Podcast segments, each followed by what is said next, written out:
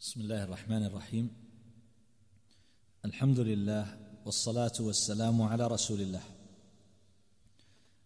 أما بعد فتحدثنا في الأسبوع الماضي عن اسم الله تبارك وتعالى الملك والمليك والمالك. وبقي اليوم الحديث عن الأمر السابع وهو ثمرات الإيمان بهذه الأسماء. فأول هذه الثمرات دعاؤه بها. دعاء المسألة ودعاء العبادة. فالملك والمليك كيف يكون دعاء المسألة بالنسبة لهذين الاسمين الكريمين.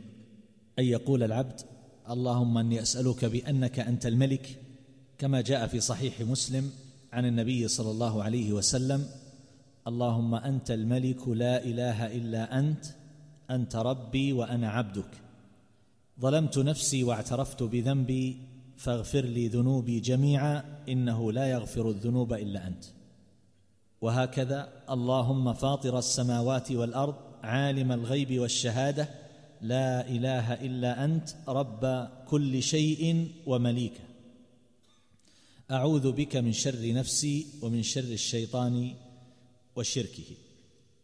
وأما دعاء العبادة فكما جاء عن النبي صلى الله عليه وسلم في الحديث الذي أخرجه الإمام مسلم أيضا يقول صلى الله عليه وسلم ينزل الله إلى السماء الدنيا كل ليلة حين يمضي ثلث الليل الأول. فيقول أنا الملك أنا الملك من ذا الذي يدعوني فأستجيب له؟ من ذا الذي يسألني فأعطيه؟ من ذا الذي يستغفرني فأغفر له؟ فلا يزال كذلك حتى يضيء الفجر. فيتعبد الإنسان لله تبارك وتعالى بالسؤال ويتعبد أيضا بالاستغفار ويتعبد أيضا بالذكر ويتعبد أيضا بالصلاة والعبادة حتى يضيء الفجر. وقد ذهب جماعة من أهل العلم سلفا وخلفا عند الكلام على قوله تبارك وتعالى إن قرآن الفجر كان مشهودا أي أن الملائكة تشهده. أعني ملائكة الليل وملائكة النهار. وأيضا يشهده ربنا تبارك وتعالى اخذا من مثل هذه الروايات حتى يضيء الفجر. وهذا الذي ذهب إليه الحافظ ابن القيم رحمه الله تعالى. وأما المالك فإننا ندعو بهذا الاسم. دعاء المسألة كما جاء من حديث أنس رضي الله تعالى عنه أن النبي صلى الله عليه وسلم قال لمعاذ رضي الله تعالى عنه ألا أعلمك دعاء تدعو به؟ لو كان عليك مثل جبل أحد دينا لأداه الله عنك. قل يا معاذ اللهم مالك الملك تؤتي الملك من تشاء وتنزع الملك ممن تشاء وتعز من تشاء وتذل من تشاء. بيدك الخير إنك على كل شيء قدير. رحمن الدنيا والآخرة ورحيمهما. تعطيهما من تشاء وتمنع منهما من تشاء. ارحمني رحمة تغنيني بها عن رحمة من سواك. وهذا حسنه الشيخ ناصر الدين الألباني رحمه الله. وأما دعاء العبادة فيما يتعلق بهذا الاسم الكريم فيكون باعتقاد العبد واستشعاره وإقراره وعمله وخضوعه حيث يدرك أن الله تبارك وتعالى أنه هو الذي يملكه ويملك ما في يده.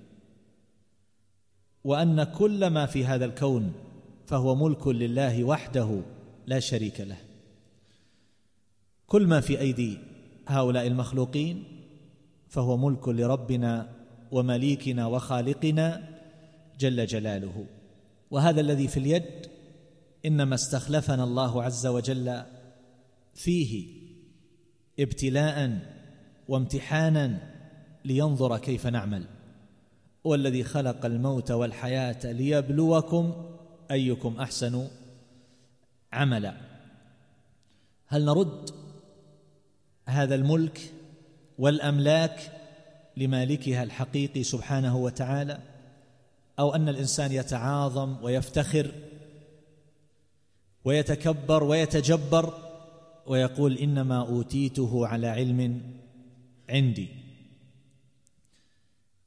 وهذا كلام أذكره على سبيل الإجمال وسيأتي إيضاح ذلك بإذن الله تبارك وتعالى بعد قليل في محله. والمقصود أن من علم أن الله عز وجل هو الملك وهو المالك فإنه يخضع له الخضوع الكامل. فلا ينازع ربه تبارك وتعالى بشيء من ملكه ولا ينازع ربه تبارك وتعالى بشيء من قضائه ومن دينه وشرعه. الله تبارك وتعالى هو الملك فما أجراه عليك من الأقدار. وما يقضيه الله سبحانه وتعالى على عبده فينبغي أن يتلقى ذلك بالتسليم والقبول والرضا وكذلك أيضا ما يحكم به ربنا جل جلاله دينا وشرعا ليس للعبد أن يعترض وأن يتمنع أو يجحد أو يستنكف من حكم الله جل جلاله وإنما ينقاد ويذعن. سمعنا وأطعنا. إنما كان قول المؤمنين إذا دعوا إلى الله ورسوله ليحكم بينهم أن يقولوا سمعنا وأطعنا. وما كان لمؤمن ولا مؤمنة إذا قضى الله ورسوله أمرا أن يكون لهم الخيرة من أمرهم. فما تقول المرأة لماذا نحن في الحجاب؟ لا تقول المرأة لماذا القوامة للرجل. لا تقول المرأة لماذا يحثنا الشارع على البقاء في البيوت وقرن في بيوتكن. ولا يعترض أحد على شيء من أحكام الله عز وجل التي قد لا توافق هواه بوجه من الوجوه. الأمر الثاني من هذه الثمرات وهو أن يكون الله جل جلاله هو ملاذنا ومعاذنا وملجأنا. نلجأ إليه وحده تبارك وتعالى دون أحد سواه. إذا أدرك العبد أن الله جل جلاله هو الملك وهو المالك وأن الملك جميعا بيد الله عز وجل فإنه لا يبتغي احدا سوى الله عز وجل من أجل أن يمنحه أو أن يعطيه أو أن يسد حاجته أو أن يمنعه من المخلوقين حال المخاوف. وإنما يمتنع باستعاذته واستجارته والتجائه بربه ومليكه الذي لا غنى له عنه بحال من الأحوال. فالله تبارك وتعالى يجود ويعطي ويمنح الله يعيذ وينصر ويغيث فيجب أن يلوذ به اللائذون وأن يستجير به المستجيرون وأن يتوجه إليه المضطرون وأن يقصده وحده لا شريك له أصحاب الحاجات والفقر والفاقات وأن يعلقوا قلوبهم بالله وحده لا شريك له. يا من ألوذ به فيما أؤمله ومن أعوذ به فيما أحاذره لا يجبر الناس عظما انت كاسره ولا يهيضون عظما انت جابره الملوك أيها الأحبة يحتاجون إلى غيرهم. والله تبارك وتعالى غني عن كل من سواه. فالفقير لا يلاذ به ولا يستعاذ به ولا يستجار به. إنما الذي يستحق ذلك هو الذي يملك أزمة الأمور هو الذي يستطيع أن يرفع عنك الضر وأن يمنعك من كل أمر مخوف هو الذي يستطيع حمايتك وكفايتك فتوكل عليه وفوض أمرك إليه. وأما إذا علقت قلبك بأحد سواه جل جلاله فإن الله عز وجل يسلمك إلى هذا الذي توكلت عليه ولجأت إليه وعندئذ يكون الخذلان العظيم الذي لا يقادر قدره. فمن توجه إلى ربه ومليكه جل جلاله حصل له مقصوده ومطلوبه من النصر والقوة والإعانة وألوان اللذات والمتع والأمور التي يبتغيها الناس في مطالبهم الدنيوية والأخروية كما يقول الحافظ ابن القيم رحمه الله تعالى. وبناء على ذلك أقول أيها الأحبة لا يصح أن يتوكل الإنسان إلا على الله وحده لا شريك له. ولهذا جاء التقديم للمعمول أو للجار والمجرور في قوله جل جلاله وعلى الله فتوكلوا وعلى الله فليتوكل المؤمنون وهذا يفيد الحصر. فالتفويض لا يكون لأحد سوى الله جل جلاله وهكذا الضراعة.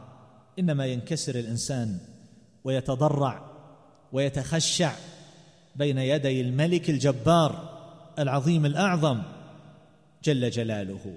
ولا يخضع للمخلوقين ولا ينكسر للمخلوقين. قل اللهم مالك الملك تؤتي الملك من تشاء وتنزع الملك ممن تشاء وتعز من تشاء وتذل من تشاء بيدك الخير إنك على كل شيء قدير. وقد ذكرنا في مناسبة سابقة أن الخليفة الأموي قال لبعض السلف سلني حاجتك فكان مما قال له ما سألت الدنيا ممن يملكها وهو الله جل جلاله. فكيف أسألها ممن لا يملكها؟ وقال أيضا أحد الملوك لأحد الصالحين. ألك حاجة؟ قال نعم. قال ما هي؟ قال تطعمني إذا جعت. قال أجل. قال تسقيني إذا ظمئت قال نعم. قال وتشفيني إذا مرضت. فقال ألتمس لك الأطباء. فقال تحييني إذا مت؟ قال ليس ذلك إلي. فقال له لم سألتني عن حاجة لا تقدر على قضائها. فالإنسان أيها الأحبة إذا عرف أن الله هو الملك المالك حقيقة فإن قلبه يطمئن إليه ويركن إليه لأنه هو الذي يملك خزائن السماوات والأرض. فلا يسأل عند الحاجة إلا الله. استغني عمن شئت تكن نظيرة. وأحسن إلى من شئت تكن أميرة. واحتج إلى من شئت تكن أسيرة. فلا يأسرك أحد من المخلوقين. والإحسان إلى الناس لا شك أنه يأسرهم ويخضعهم. فينبغي أن يكون إسارنا وانكسارنا وافتقارنا وتوجهنا إلى الله وحده لا شريك له وبهذا يعيش الإنسان رافع الرأس عزيزا لا يخضع إلا لله جل جلاله. وفي وصية النبي صلى الله عليه وسلم لابن عباس رضي الله عنهما يا غلام إني أعلمك كلمات احفظ الله يحفظك احفظ الله تجده تجاهك وإذا سألت فاسأل الله وإذا استعنت فاستعن بالله واعلم أن الأمة لو اجتمعوا على أن ينفعوك بشيء لم ينفعوك إلا بشيء.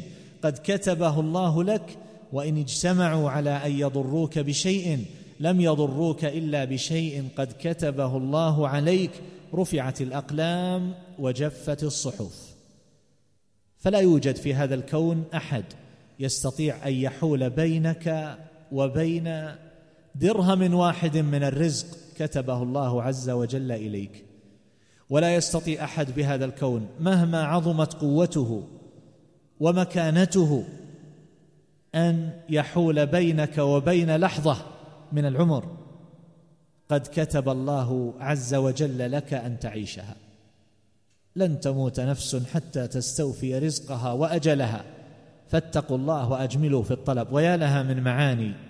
لو أن القلوب تشربتها وآمنت بها حقيقة وعملت بمقتضاها. وإذا كان القلب خاويا فإنه يضعف ويخاف من كل شيء حتى من غير الأمور المخوفة حتى ممن لا يملك له شيئا ولو على سبيل المجاز مما يضاف إلى المخلوقين.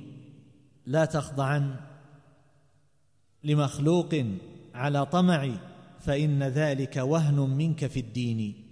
واسترزق الله مما في خزائنه فإن رزقك بين الكاف والنون وقد سئل بعضهم عن سبب توبته فقال كنا في سنة جدباء والناس في قحط وبلاء فرأيت غلاما يمرح ويضحك.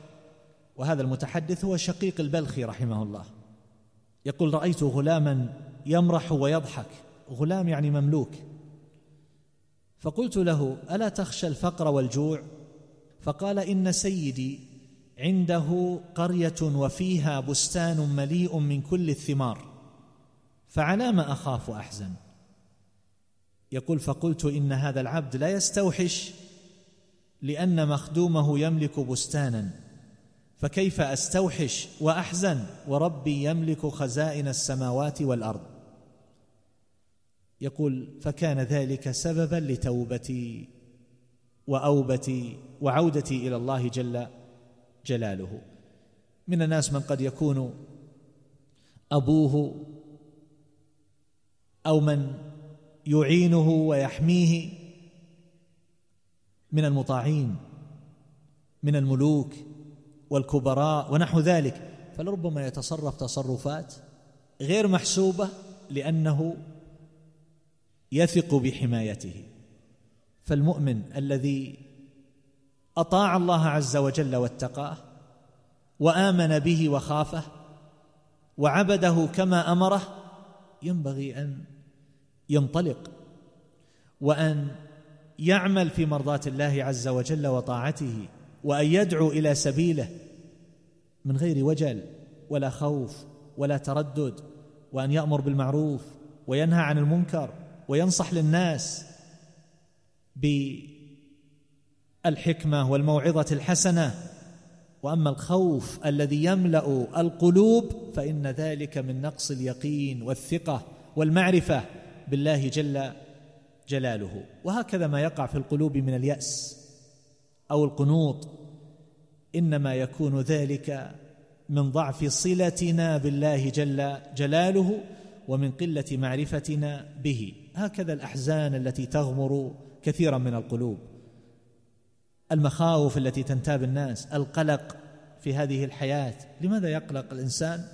والله تبارك وتعالى هو سنده وهو ناصره إذا كان مطيعا. ولذلك فإن العبد على قدر طاعته وإقباله على الله عز وجل وعلى قدر معرفته به يحصل له من الانشراح. وسعة الصدر ولو كان لا يملك شيئا من الدنيا لأن عنده الثقة والرضا وراحة الضمير والطمأنينة. وقد يملك الإنسان المليارات وهو في غاية الهلع والجزع والخوف يخشى من وقوع حرب أو تغير الأحوال الاقتصادية أو تغير أسعار العملات أو أسعار الذهب أو غير أو أسعار الأسهم. ثم بعد ذلك يخسر خسارة فادحة.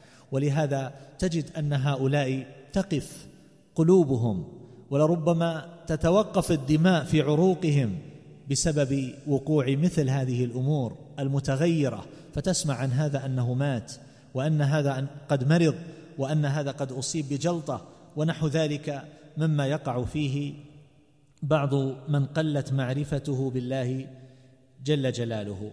فالله تبارك وتعالى ينبغي أن نقبل عليه وأن نعرفه بهذه الأسماء الحسنى فنرتبط به كل الارتباط.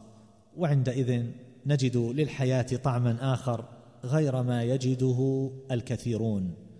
فيلتذ الإنسان بالطاعة والعبادة ويدرك أن في الدنيا جنة من لم يدخلها لم يدخل جنة الآخرة. الأمر الثالث من هذه الثمرات أن نعلم أن الملك الحقيقي لله وحده لا شريك له. كما قال النبي صلى الله عليه وسلم لا مالك إلا الله وفي رواية لا ملك إلا لله نعم بعض المخلوقين قد يقال له ملك. لكن هل ما يطلق عليه من ذلك الوصف أو الاسم هو نفس ما يطلق على الله جل جلاله؟ ابدا. إنما الملك الحقيقي لربنا وخالقنا سبحانه وتعالى.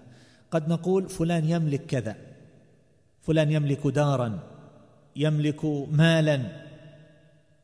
لكن هل ملكه لهذه الدار أو لهذه الأموال كملك الله عز وجل؟ الجواب لا. فإن ذلك إنما هو بتمليك الله عز وجل إياه. من الذي أعطاه؟ هذا الملك.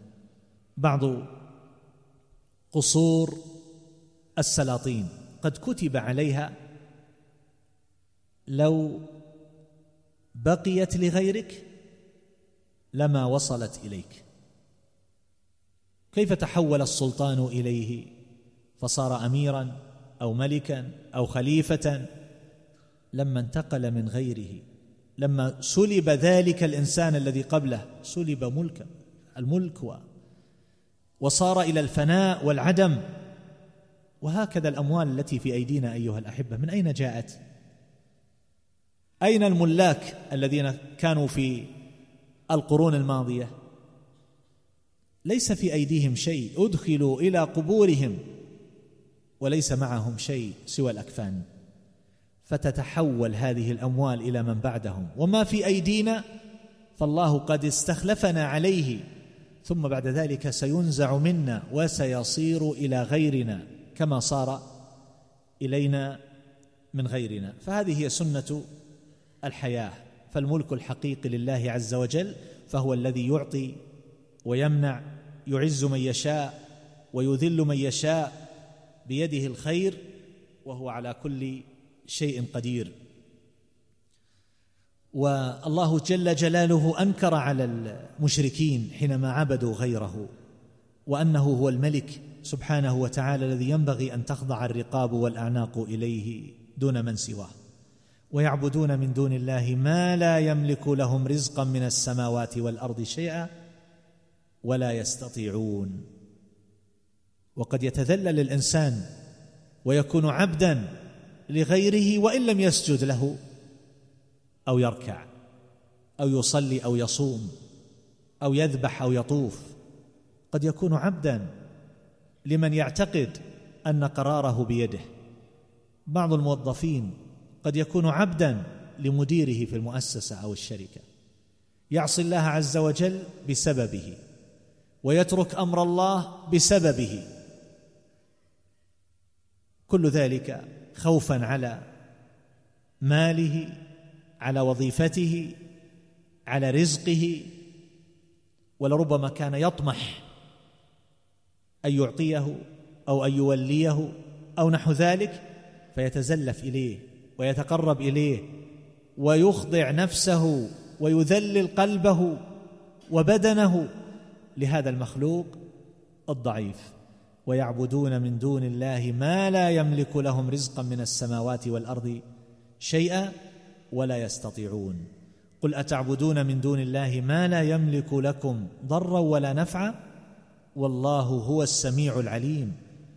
ولهذا يقول الله عز وجل للمشركين قل ادعوا الذين زعمتم من دون الله لا يملكون مثقال ذرة في السماوات ولا في الأرض وما لهم فيهما من شرك وما له منهم من ظهير من معين. والذين تدعون من دونه ما يملكون من قطمير. هذا الجزء اليسير في النواة لا يملكونه. فكيف بما هو أعظم من ذلك؟ وإنما الذي يملك خزائن السماوات والأرض هو الله وحده لا شريك له. فهو الذي يرزق ويعطي وهو الذي يملك الموت والحياة والنشور والنفع والضر وإليه يرجع الأمر كله. هو الذي يملك جميع الممالك العلوية والسفلية. وكل من في هذا الكون فإنما هو مملوك عبد مفتقر إلى الله عز وجل كل الافتقار. يقول أبو الدرداء رضي الله عنه عن النبي صلى الله عليه وسلم في قوله تعالى كل يوم هو في شأن من شأنه أن يغفر ذنبا ويفرج كربا ويرفع قوما ويخفض آخرين. والله يقول يؤتي ملكه من يشاء والله واسع عليم. والنبي صلى الله عليه وسلم يقول لا تسبوا الدهر فإن الله عز وجل قال أنا الدهر. الأيام والليالي لي أجددها وأبليها وآتي بملوك بعد ملوك. وقد يغفل الإنسان عن هذه المعاني أحيانا. وإذا حصل بيده شيء إما من الملك وإما من الأعيان التي ملكها. فقد يتعاظم على الناس ويظن أنه أعلى درجة منهم وأنه يملك لهم نفعا. أو ضرا هذا فرعون نادى في قومه قال يا قوم أليس لي ملك مصر وهذه الأنهار تجري من تحتي؟ أفلا تبصرون؟ ومرة دعاهم فحشر فنادى فقال أنا ربكم الأعلى. لما رأى هذه الأموال والقصور والأنهار والزروع والثمار والبشر الذين يطيعونه ويخضعون له تعاظم هذا التعاظم فاستخف قومه فأطاعوه إنهم كانوا قوما فاسقين. فلما آسفونا انتقمنا منهم فأغرقناهم أجمعين فجعلناهم سلفا ومثلا للآخرين. فالله تبارك وتعالى جعل إهلاكه عبرة. كما قال الله عز وجل إن في ذلك لعبرة لمن يخشى. فكل من سولت له نفسه أن يتعاظم تعاظما لا يليق بمثله فعليه أن يتذكر.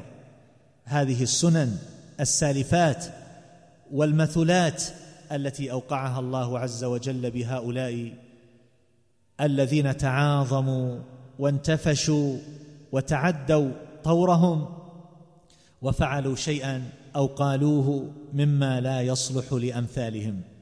فالله هو الذي له ملك السماوات والأرض وما بينهما وإليه المصير. سئل أعرابي يملك قطيعا من الإبل فقيل له لمن هذه؟ فقال هي لله في يدي. هكذا ينبغي أن يكون المؤمن الحق.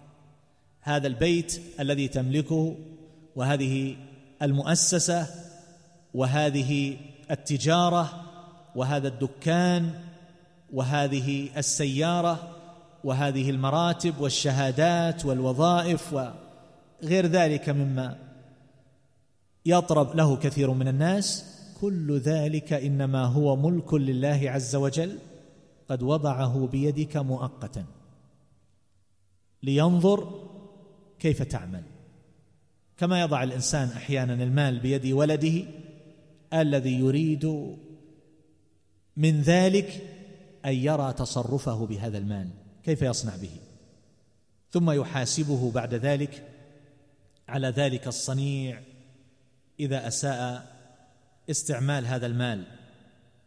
هذا الطبيب الحاذق الذي لربما يتعلق به كثيرون ويظنون أنه ينجيهم وأنه قادر على أن يخلصهم من مرض عضال حل بهم قد يتوقف عرق في رأسه أو في قلبه أو غير ذلك ثم يتحول إلى جثة هامدة لربما بقي هكذا سنوات.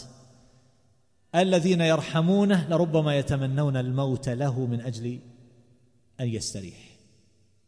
الملك لله عز وجل أيها الأحبة مهما كانت مقدراتنا مهما كان ذكاؤنا مهما كانت أموالنا ومراكبنا مهما كان عندنا من الخدم مهما كان عندنا من القصور مهما كان عندنا من الأعوان فينبغي أن نعرف أنها عارية. وأن المسألة مسألة وقت. طال أو قصر لا ندري. قد يموت الإنسان في لحظته هذه ثم ينتهي كل شيء. ينتهي كل شيء لا يبقى معه شيء. فإذا صارت للإنسان ولاية أو إدارة أو صارت له أملاك وأموال فينبغي أن يتطامن. من الناس كما قال ابن القيم رحمه الله من يعجب من صاحبه الذي صارت له ولاية كيف تحولت حاله وتغيرت أموره؟ فصار يترفع على أقرانه وأصحابه وإخوانه وأخدانه. وتنكر لهم غاية التنكر. كيف حصل هذا؟ يقول فمثل هؤلاء قد يعظونه وينصحونه يقول الواقع أن هذا في حال من السكر سكر الرئاسة أعظم من سكر الخمر. فكثير من الناس قد يتعاظم قد يتغير تماما إذا حصل له شيء من ذلك. هؤلاء مجموعة من الزملاء رشحوا صاحبهم ليكون رئيسا عليهم في هذه المدرسة. لربما يرون حالا أخرى تماما.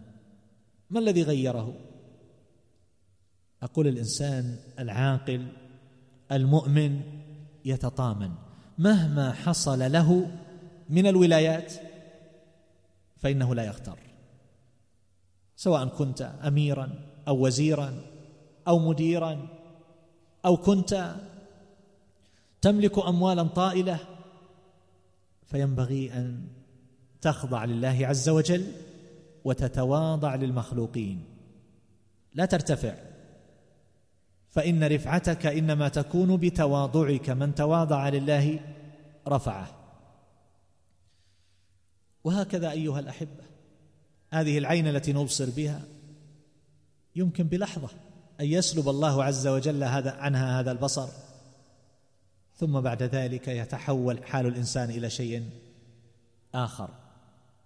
وهكذا أيضا في سائر ما بأيدينا من القوى والقدر والإمكانات المادية والمعنوية. مهما بلغت مرتبة الإنسان من العلم فإنه قد يحصل له خلل في عقله وينسى كل شيء. تموت بعض خلايا المخ وينسى إذا قام لحاجة ينسى لماذا قام؟ بل لا يتمكن من معرفة ولده وزوجته. من هؤلاء؟ وماذا يريدون؟ ولماذا حضروا؟ لا يعرف أقرب الناس إليه. فلا يغتر الإنسان بعلمه أو ذكائه الحاد. وهكذا إذا أعطاه الله عز وجل فصاحة في اللسان فينبغي أن لا يتبجح بهذا ويكون مذموما بذلك الصنيع فالله عز وجل قادر على أن يسلب هذا اللسان. هذه القدرة بشل عضلته فقط عضلة هذا اللسان. ثم بعد ذلك لا يستطيع الإنسان أن يتكلم. والله عز وجل على كل شيء قدير. وهكذا أيها الأحبة حينما ينظر الإنسان إلى أمور كثيرة ويفكر بها يعرف أنه مربوب ضعيف عاجز.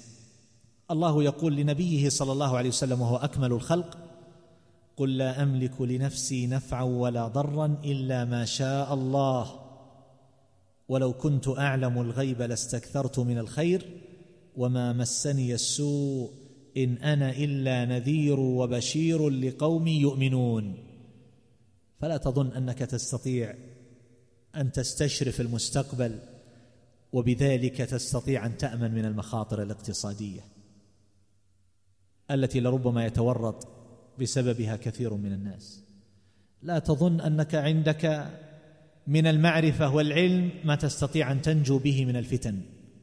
لا أكثر من اللهج والدعاء يا مقلب القلوب ثبت قلبي على دينك. كن مفتقرا إلى الله جل جلاله في شؤونك كلها. كذلك أيضا لا يظن الإنسان أنه بمهاراته الدعوية مثلا يستطيع أن يقنع الحجر وأن يغير من أفكار الناس وأن يحولهم من الضلال إلى الهدى. قل لا أملك لنفسي ضرا ولا نفعا. إنك لا تهدي من أحببت ولكن الله يهدي من يشاء. فالله عز وجل هو الذي يملك القلوب. يأتي النبي يوم القيامة وليس معه أحد. ذلك لقلة فصاحته وبيانه أو لتقصيره أو لقلة معرفته وعلمه بالله والدار الآخرة أو الأساليب المؤثرة في الإقناع أو نحو ذلك. الأنبياء عليهم الصلاة والسلام هم أعظم الناس بيانا وأكثرهم نصحا لأممهم ومع ذلك. تتخلف هذه الهداية إذا كان الله عز وجل ما أرادها. الثمرة الرابعة إنما تكون الطاعة المطلقة للمالك الملك المعبود جل جلاله دون من سواه. لا يجوز لأحد يقول أنا أطيع فيما أؤمر به ما يأمرني به المخلوق.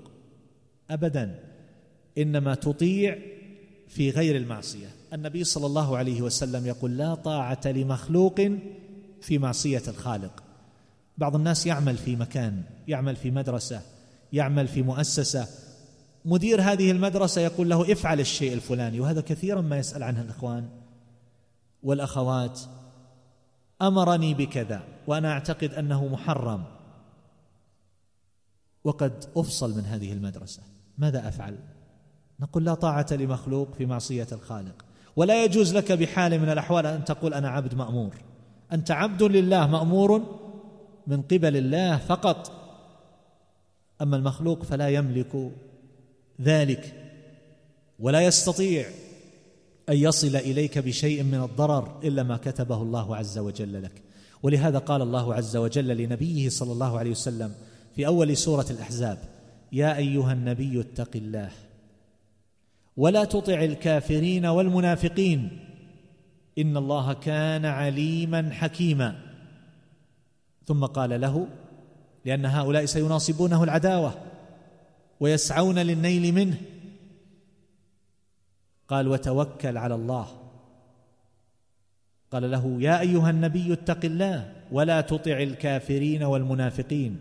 إن الله كان عليما حكيما. ثم أمره بالتوكل وتوكل على الله.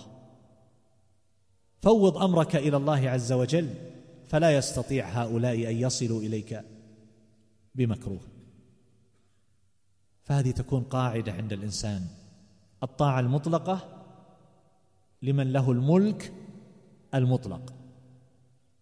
أما المخلوق فملكه محدود فإنما يطاع بما يوافق طاعة الله عز وجل أو بما لا يكون معصية لله جل جلاله.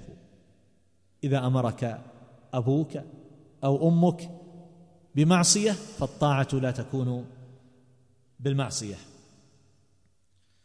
فلا بد من تقديم طاعة الملك الحق على طاعة من سواه ولا بد من تقديم حكمه على حكم غيره فإن طاعته هي أوجب الواجبات. الثمرة الخامسة أن يتأدب الإنسان مع هذا الاسم. لا يضيف إلى نفسه ولا يرضى أن يضاف إليه بعض الألقاب التي لا تصلح إلا لله جل جلاله. النبي صلى الله عليه وسلم كما روى سفيان بن عيينة عن أبي الزناد عن الأعرج عن أبي هريرة رضي الله عنه قال قال رسول الله صلى الله عليه وسلم أخنع اسم عند الله وقال سفيان غير مرة أخنع الأسماء عند الله رجل تسمى بملك الأملاك. وفي رواية اخنى الأسماء يوم القيامة. يقول سفيان يقول غيره يعني غير أبي الزناد تفسيره شاه شاه أو شاهان شاه يعني ملك الملوك. ومعنى أخنع يعني أوضع اسم وأذل اسم. يقول أبو عبيد القاسم بن سلام رحمه الله الخانع هو الذليل وخنع الرجل إذا ذل. ويقول ابن بطال وإذا كان الاسم أذل الأسماء كان من تسمى به أشد ذلا. ومعنى أخنى يعني أفحش اسم من الخنا وهو الفحش في القول. وجاء في رواية عند مسلم اغيض رجل على الله يوم القيامة وأخبثه وأغيظه عليه. نسأل الله العافية. وقد ذكر الحافظ بن حجر رحمه الله أن أهل العلم استدلوا بهذا الحديث على تحريم التسمي بهذا الاسم لورود هذا الوعيد الشديد وألحقوا به ما كان في معناه مثل لو لقب الإنسان بخالق الخلق أو أحكم الحاكمين أو سلطان السلاطين أو أمير الأمراء. وهكذا ذكر بعض أهل العلم قاضي القضاة. وقد قال النبي صلى الله عليه وسلم كما في حديث أبي هريرة رضي الله عنه اشتد غضب الله على من زعم أنه ملك الأملاك. لا ملك إلا الله. وقد ذكر المناوي رحمه الله في شرح هذا الحديث الذي أخرجه الإمام أحمد رحمه الله في مسنده يقول أي أن من تسمى بذلك ودعي به وإن لم يعتقده فإنه لا ملك في الحقيقة إلا الله وغيره. إنما سمي ملكا أو مالكا بطريق التجوز التوسع في العبارة. وإنما اشتد غضبه عليه لمنازعته لله في ربوبيته وألوهيته فهو حقيق بأن يمقته عليه. فيهان غاية الهوان ويذل غاية الذل ويجعل تحت الأقدام في يوم القيامة لجراءته وعدم حيائه في تشبهه بالله عز وجل في هذا الاسم الذي لا ينبغي لأحد سوى الله جل جلاله الذي هو ملك الملوك وحاكم الحكام وحده فهو الذي يحكم عليهم جميعا دون من سواه. وهكذا ذكر الحافظ ابن القيم رحمه الله بأن ذلك لما كان الملك الحقيقي لله وحده ولا ملك على الحقيقة سواه كان أخنع الأسماء وأوضع الأسماء عند الله وأغضب الأسماء هو شاهان شاه. أي ملك الملوك وسلطان السلاطين. فهذا ليس لغير الله عز وجل وإضافة ذلك إلى المخلوق من أبطل الباطل وأعظم التجني. وإذا قال الإنسان قاضي القضاة فإن قاضي القضاة هو الله جل جلاله. وقد وجد بعض من تلقب بذلك في المتأخرين وأنكره جماعة من أهل العلم وهو أمر قد سرى إلى المسلمين من الأعاجم من المجوس وغيرهم. ومن أنكر أن يقال قاضي القضاة ابن رجب وابن الجوزي وابن القيم بل إن ابن رجب رحمه الله اعتبر ذلك من نواقض الإسلام إذا قيل لإنسان ملك الملوك أو قاضي القضاة. وابن القيم رحمه الله فصل في هذا فيقول لا يجوز لأحد أن يتسمى بأسماء الله المختصة به. وأما الأسماء التي تطلق عليه وعلى غيره كالسميع والبصير والرؤوف والرحيم فيجوز أن يخبر بمعانيها عن المخلوق. ولا يجوز أن يتسمى بها المخلوق على الإطلاق. بحيث يطلق عليه ما يطلق على الرب جل جلاله. سادسا من هذه الثمرات التحاكم إلى الله جل جلاله لأنه ملك الملوك. فلا يتحاكم إلى غير الله عز وجل فلا وربك لا يؤمنون حتى يحكموك فيما شجر بينهم ثم لا يجدوا في أنفسهم حرجا مما قضيت ويسلموا تسليما. فلا يجوز أن يتحاكم إلى أي حكم سوى حكم الله تبارك وتعالى. إن الحكم إلا لله أمر الا تعبدوا إلا إياه.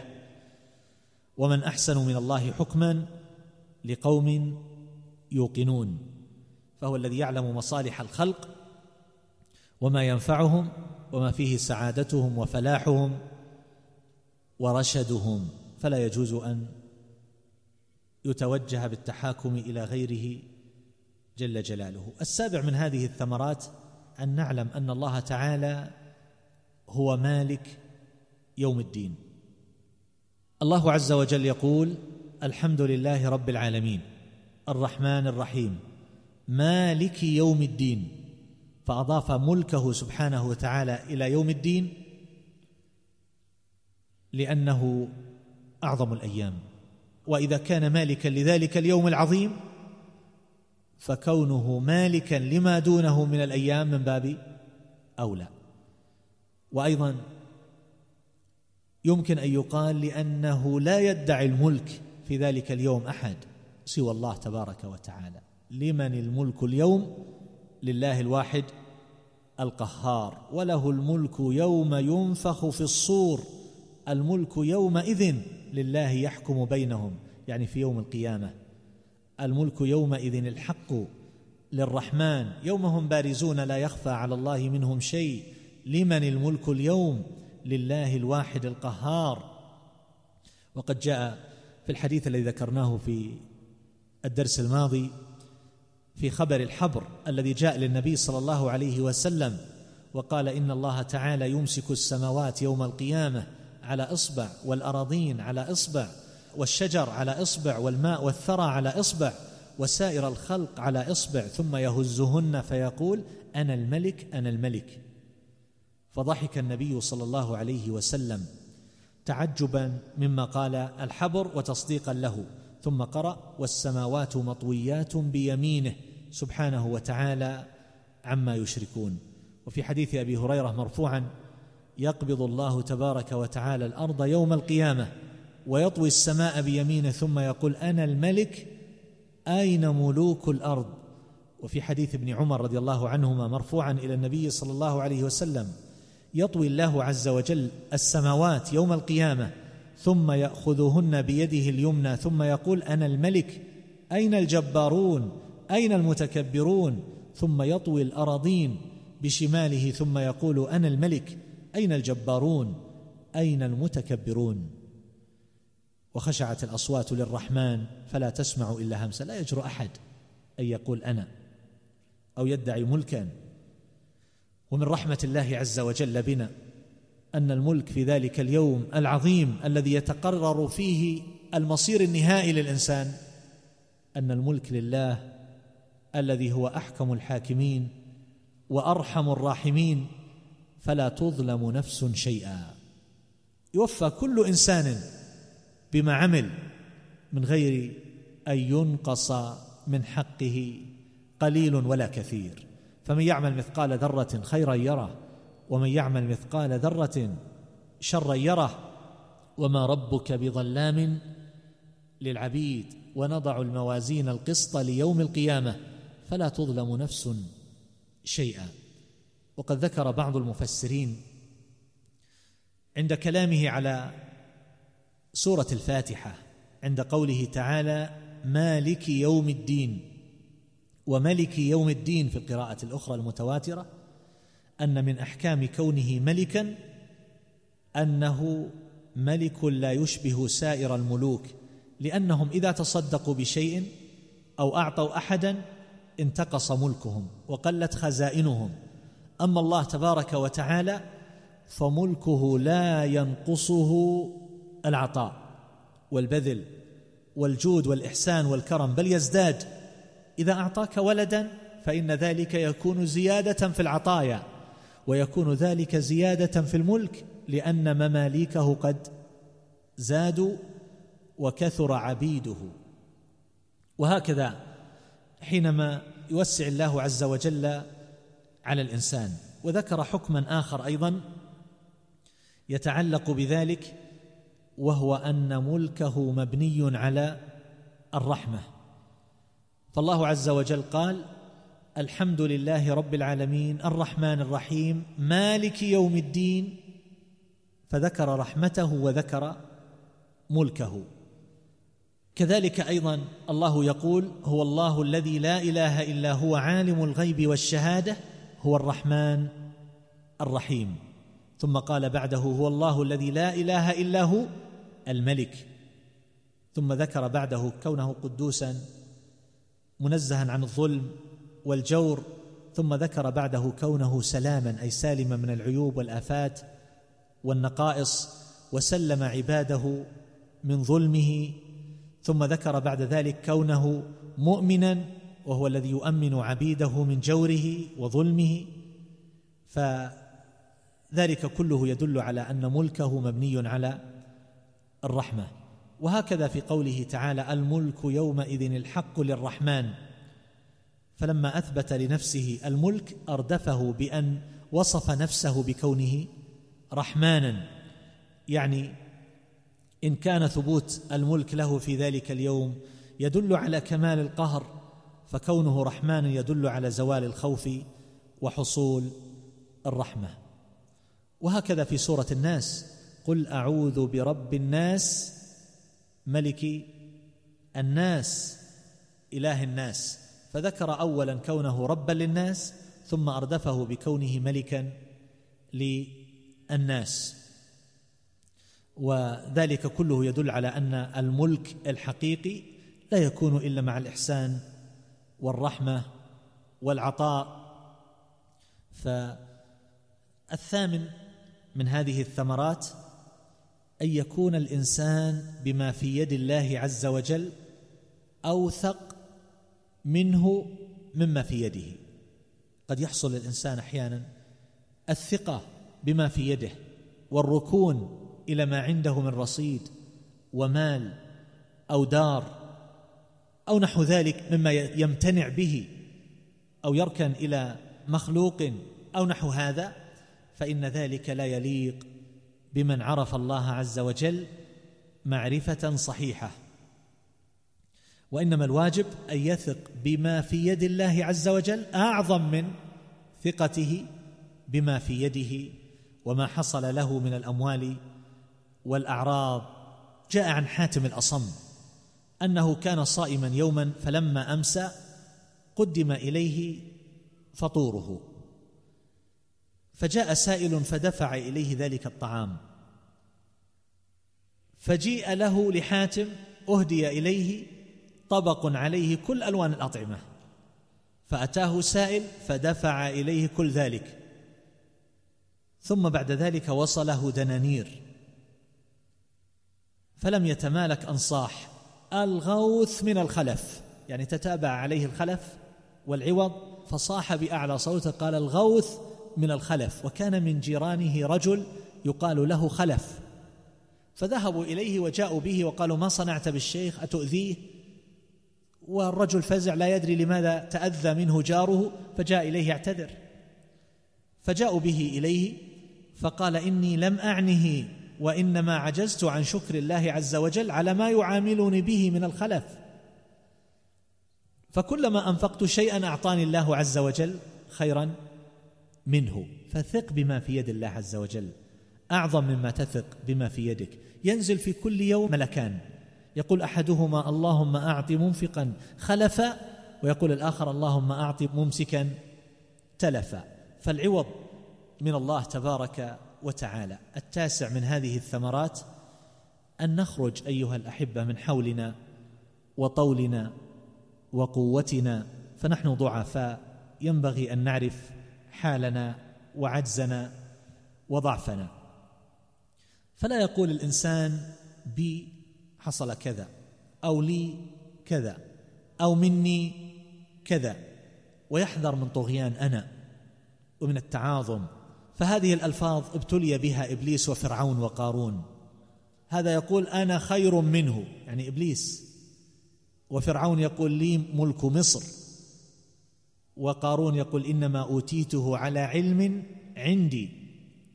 فابتعد عن هذه الأشياء. وإنما يقول الإنسان إذا استعمل أنا يقول أنا العبد المذنب المخطئ المستغفر الضعيف المعترف بعجزه.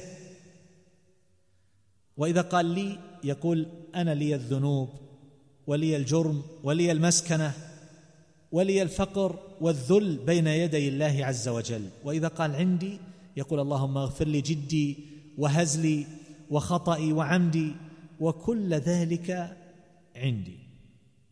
هذا اللائق أن يقوله الإنسان. أما إذا جلس مع الناس ويتحدث أنا كذا وأنا كذا وعندي كذا وعندي كذا بعض الناس إذا سمعوا أحدا بهذه الطريقة أو رأوا حاله تدل على هذا؟ قالوا الملك لله. يعيبون عليه فعله. يعني كأن هذا الإنسان ما عرف أن الله تبارك وتعالى هو مالك الملك. فلماذا يفرح بنفسه ويتعاظم هذا التعاظم ويفتخر؟ وبين كل جملة وجملة تقرأ أشياء وبين السطور تجد تلك الرسائل التي يريد أن يوصلها إلى الآخرين. أنني من أسرتي كذا وأنني أملك كذا وأن عندي كذا وأن رصيدي كذا وأن الناس الذين يحتاجون إلي كذا وكذا وكذا. نحو ذلك. هذا كله ما يليق. أنا ضعيف ولا يحتاج إلي أحد ولا عندي شيء ولا لي شيء ولا مني شيء. إنما لي الضعف ومني العجز ولي المسكنة.